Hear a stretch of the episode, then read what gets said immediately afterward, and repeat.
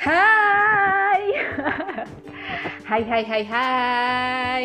Assalamualaikum warahmatullahi wabarakatuh. Selamat datang di podcast Keluarga Anggur. Sebuah podcast yang dibuat khusus untuk teman-teman semua yang fokusnya adalah tentang parenting dan juga keluarga. Yang hadirnya podcast ini eh, diharapkan bisa membantu kita semua untuk menjadi seorang ayah yang baik, seorang ibu yang baik, yang bisa membesarkan anak-anak kita semua. Alhamdulillah bersama saya Izur di sini nggak terasa ini sudah episode yang keempat. Nah, gimana kabarnya teman-teman semua? Semoga teman-teman dalam keadaan sehat dan dalam keadaan yang bahagia dan dalam keadaan yang good mood alias moodnya lagi baik sehingga bisa enjoy ya mendengarkan podcast ini uh, memang mood yang baik itu perlu ya, apalagi untuk menjalani hari-hari. Dan salah satu yang bisa membuat mood menjadi agak terganggu, jadinya kita agak enggak mood, itu biasanya sehari-hari yang bisa membuat seperti itu tuh salah satunya adalah kata-kata orang. Jadi saya mau cerita nih, seperti biasa ya, setiap episode selalu saya ada cerita untuk teman-teman yang berkaitan dengan mood ini juga.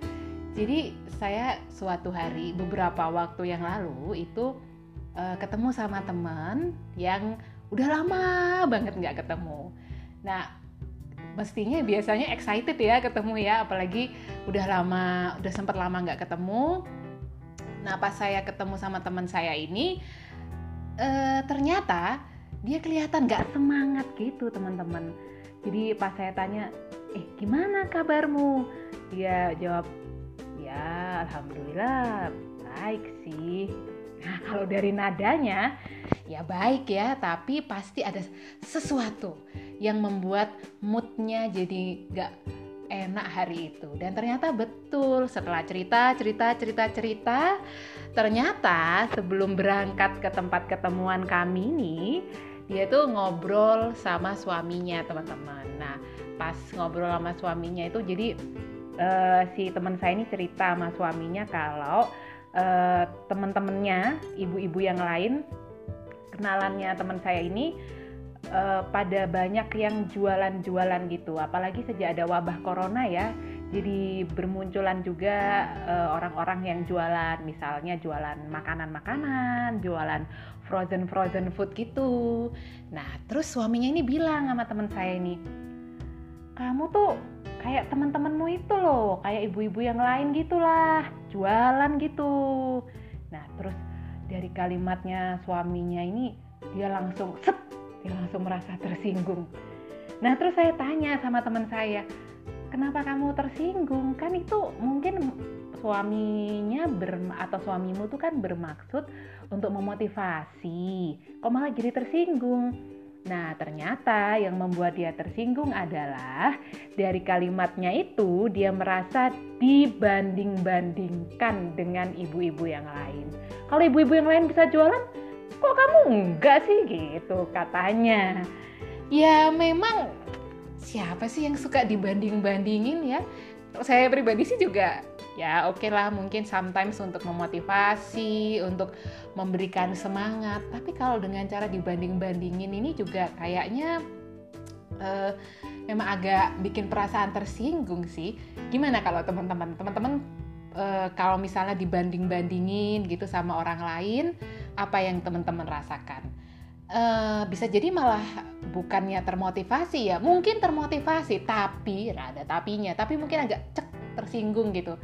Karena eh, masing-masing uh, orang sih unik ya masing-masing orang itu berbeda masing-masing orang itu mereka punya kondisinya sendiri-sendiri mereka punya kepribadian sendiri-sendiri mungkin mereka punya bakat sendiri-sendiri apa pun yang sendiri-sendiri gitu. Jadi artinya masing-masing orang itu unik sehingga kalau harus dibanding-bandingin itu kayaknya agak gimana gitu. Sama juga kalau misalnya kita mengasuh anak-anak kita nih teman-teman salah satu bentuk komunikasi yang gak efektif yang dilakukan oleh orang tua kepada anak-anak yang justru menimbulkan dampak negatif untuk anak-anak dan biasanya nggak kita sadarin ya sehari-hari terjadi adalah membanding-bandingkan. Nah yuk kita coba deh lihat ke diri kita masing-masing ya. Selama ini kita ngasuh anak-anak kita seperti apa atau mungkin dulu kita diasuh juga seperti apa? Apakah pernah kita membanding-bandingkan anak-anak kita? Apakah pernah kita membandingkan anak kita antara satu anak dengan anak yang lain? Pernah nggak kita membandingkan kakak sama adik adik sama kakak? Membandingkan anak kita sama sepupu-sepupunya? Membandingkan anak kita sama temen-temennya? Atau kita pernah nggak dulu kita mungkin dibanding-bandingin ya sama orang tua kita kenapa sih kok membanding-bandingkan itu menjadi sesuatu yang harus kita perhatikan karena gini teman-teman jadi membandingkan itu ternyata bukan uh, satu hal yang efektif lah untuk membuat orang jadi lebih baik.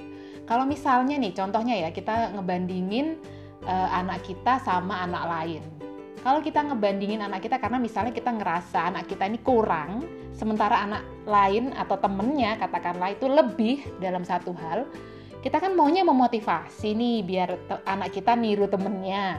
Tapi kalau dalam kondisi seperti ini, kemungkinan besar yang terjadi pada anak justru dia akan semakin minder karena dia dalam posisi yang kurang dan yang dampak lainnya juga justru dia malah akan gak suka sama temennya. Karena temennya ini jadi pembandingnya gitu. Yang orang tuanya ngebandingin dia sama temennya. Temennya lebih sementara dia kurang. Justru bisa jadi dia merasa lebih nggak pede lagi sama dirinya dan mungkin malah sebel sama temennya.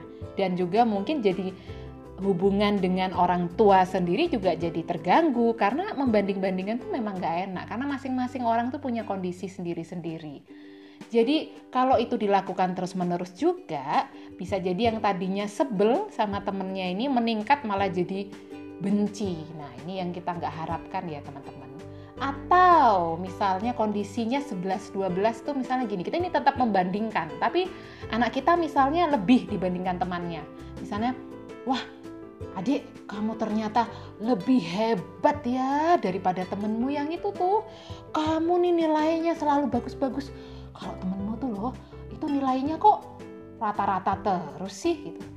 Oke, kita memang anak kita dalam kondisi bukan yang kurang, tapi dia dalam kondisi yang lebih ya, lebih baik.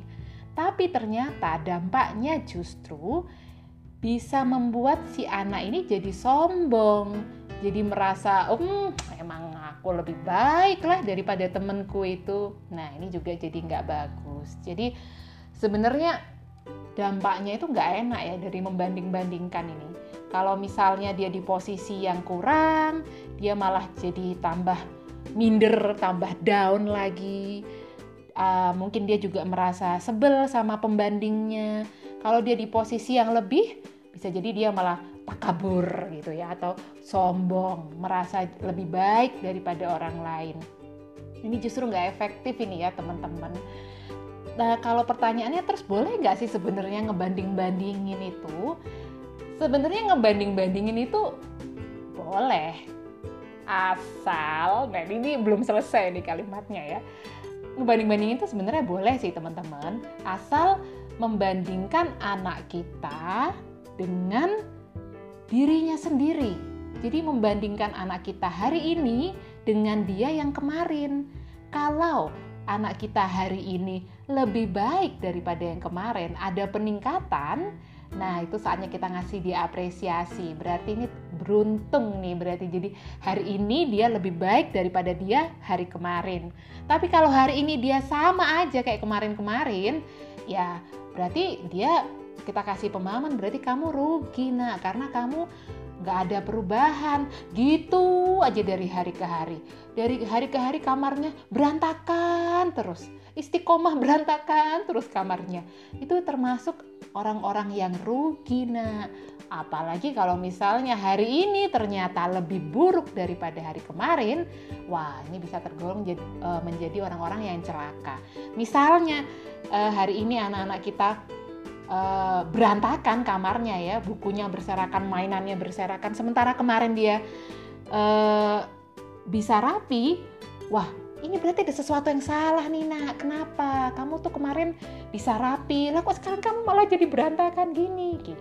Jadi ngebandingin anak itu sebenarnya boleh tapi catatannya adalah bukan membandingkan dia dengan orang lain. Orang lain ini bisa siapa aja ya, bisa kakaknya, bisa adiknya, bisa sepupunya, bisa teman-temannya, bisa tetangganya, bahkan bisa orang tuanya sendiri.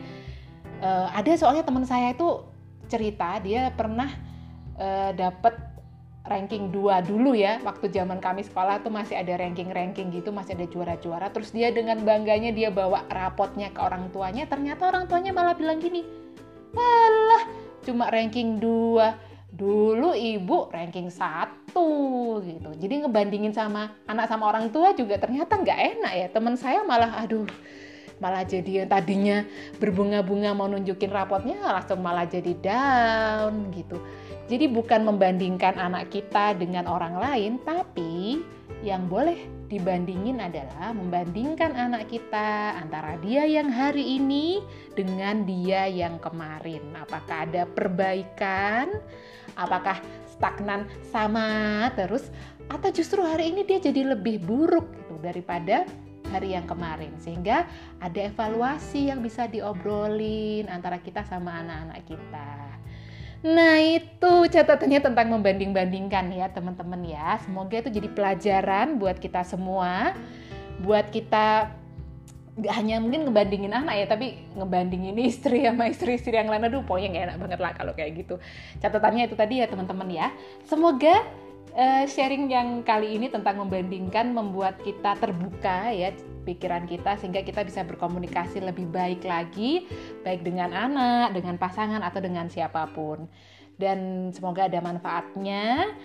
Uh, kalau teman-teman punya ide ya, punya saran, masukan untuk podcast keluarga anggur, punya opini juga, boleh loh, boleh banget di-sharingkan, dibagikan ke saya lewat email saya di zuraidasarnawati86 at gmail.com jadi semuanya nyambung semuanya ditulis dengan huruf kecil kecil kecil kecil semua.